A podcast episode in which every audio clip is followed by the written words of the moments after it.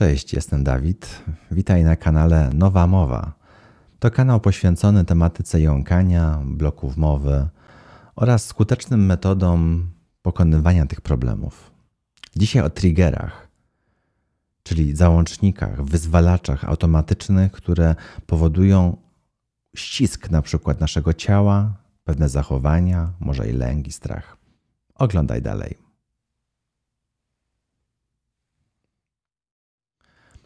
Może na początku wyjaśnijmy, co to takiego trigger.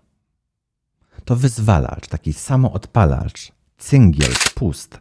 Czyli jeśli spełnione są pewne warunki, odpala się automatycznie. Wiąże się to z pamięcią niejawną w naszym umyśle, a dokładnie z pamięcią proceduralną. Czyli odpala się pewne zjawisko, uruchamia się pod wpływem jakichś czynników zewnętrznych. Jak tworzą się takie triggery? Najczęściej tworzą się w sytuacjach dla nas niekomfortowych, traumatycznych. Jest to tematyka ściśle związana właśnie z efektem traumy i całym zespołem stresu pourazowego, kiedy człowiek doświadcza bardzo nieprzyjemnych rzeczy, zjawisk związanych z jego osobą. Wtedy dochodzi do zapamiętania tych właśnie bodźców. Przykładowo, jeśli dochodzi do zająknięcia i zablokowania mowy w klasie,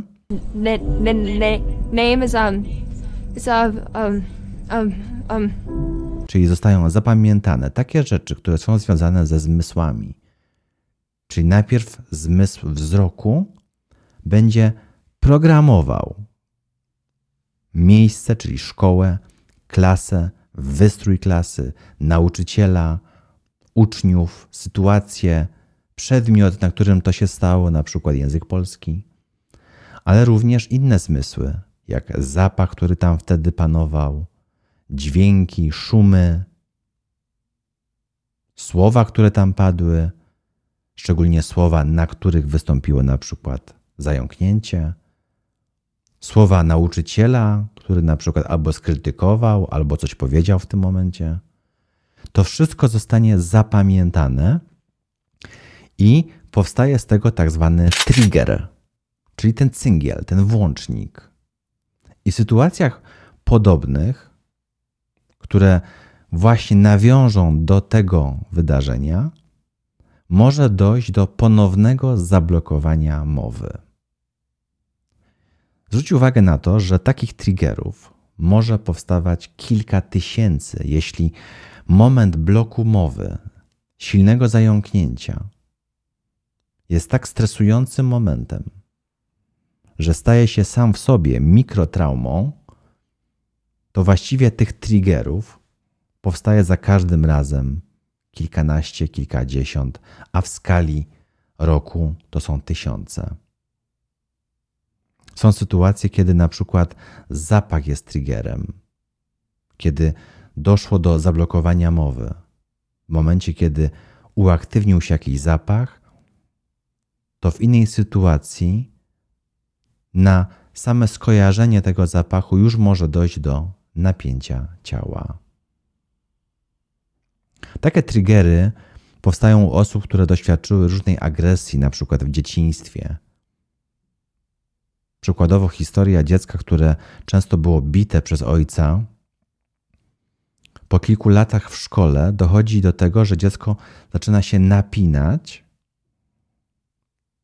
wpadać w jakąś panikę, nawet agresję, bo okazało się, że nauczyciel historii używał tej samej wody toaletowej, co jego ojciec w momencie, kiedy go karał.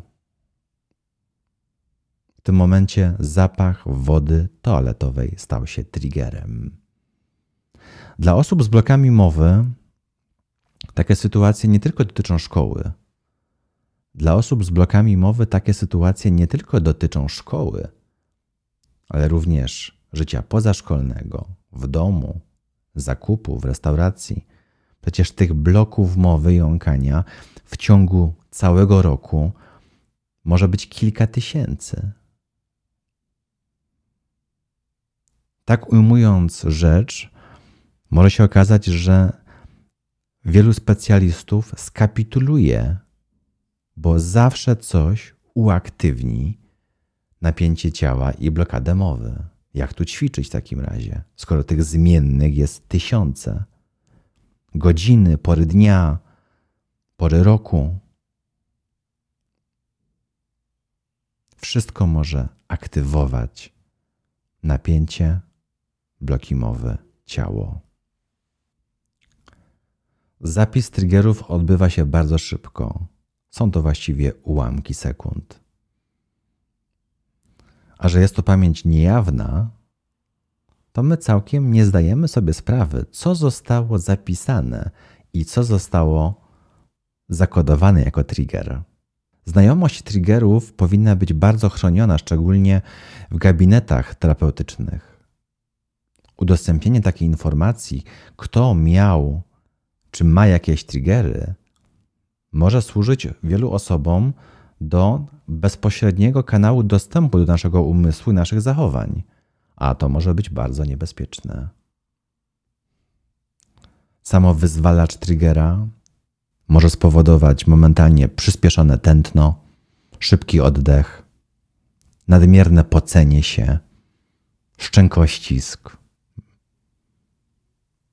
Bardzo trudno wtedy jest myśleć racjonalnie.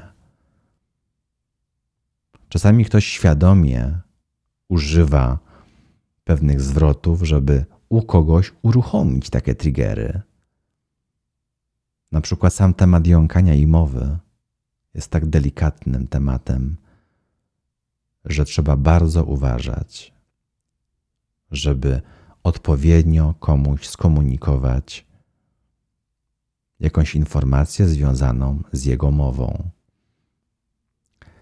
Samo słowo jąkanie może być triggerem. O, ty się jąkasz. O, jąkała. Ale on się jąka.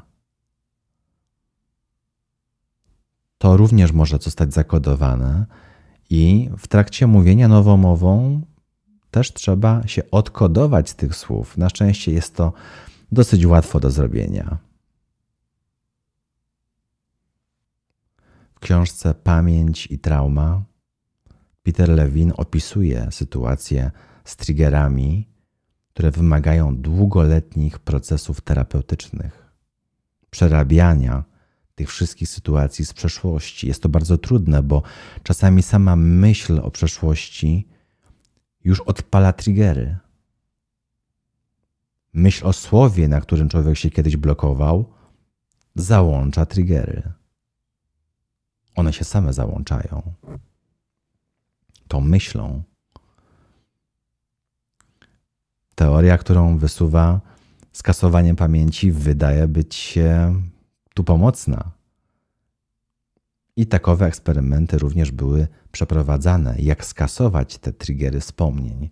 Na przykład, jeśli ktoś był w jakimś toksycznym związku i chciałby wymazać tą osobę, bo każda myśl już go spina, już dochodzi do napięć, do złości, jak tylko wspomni o tej osobie, ale nie tylko wspomni, ale wszystko, co na przykład zobaczy i skojarzy mu się z tym zachowaniem, na przykład wspólny posiłek, kiedy kiedyś jedli,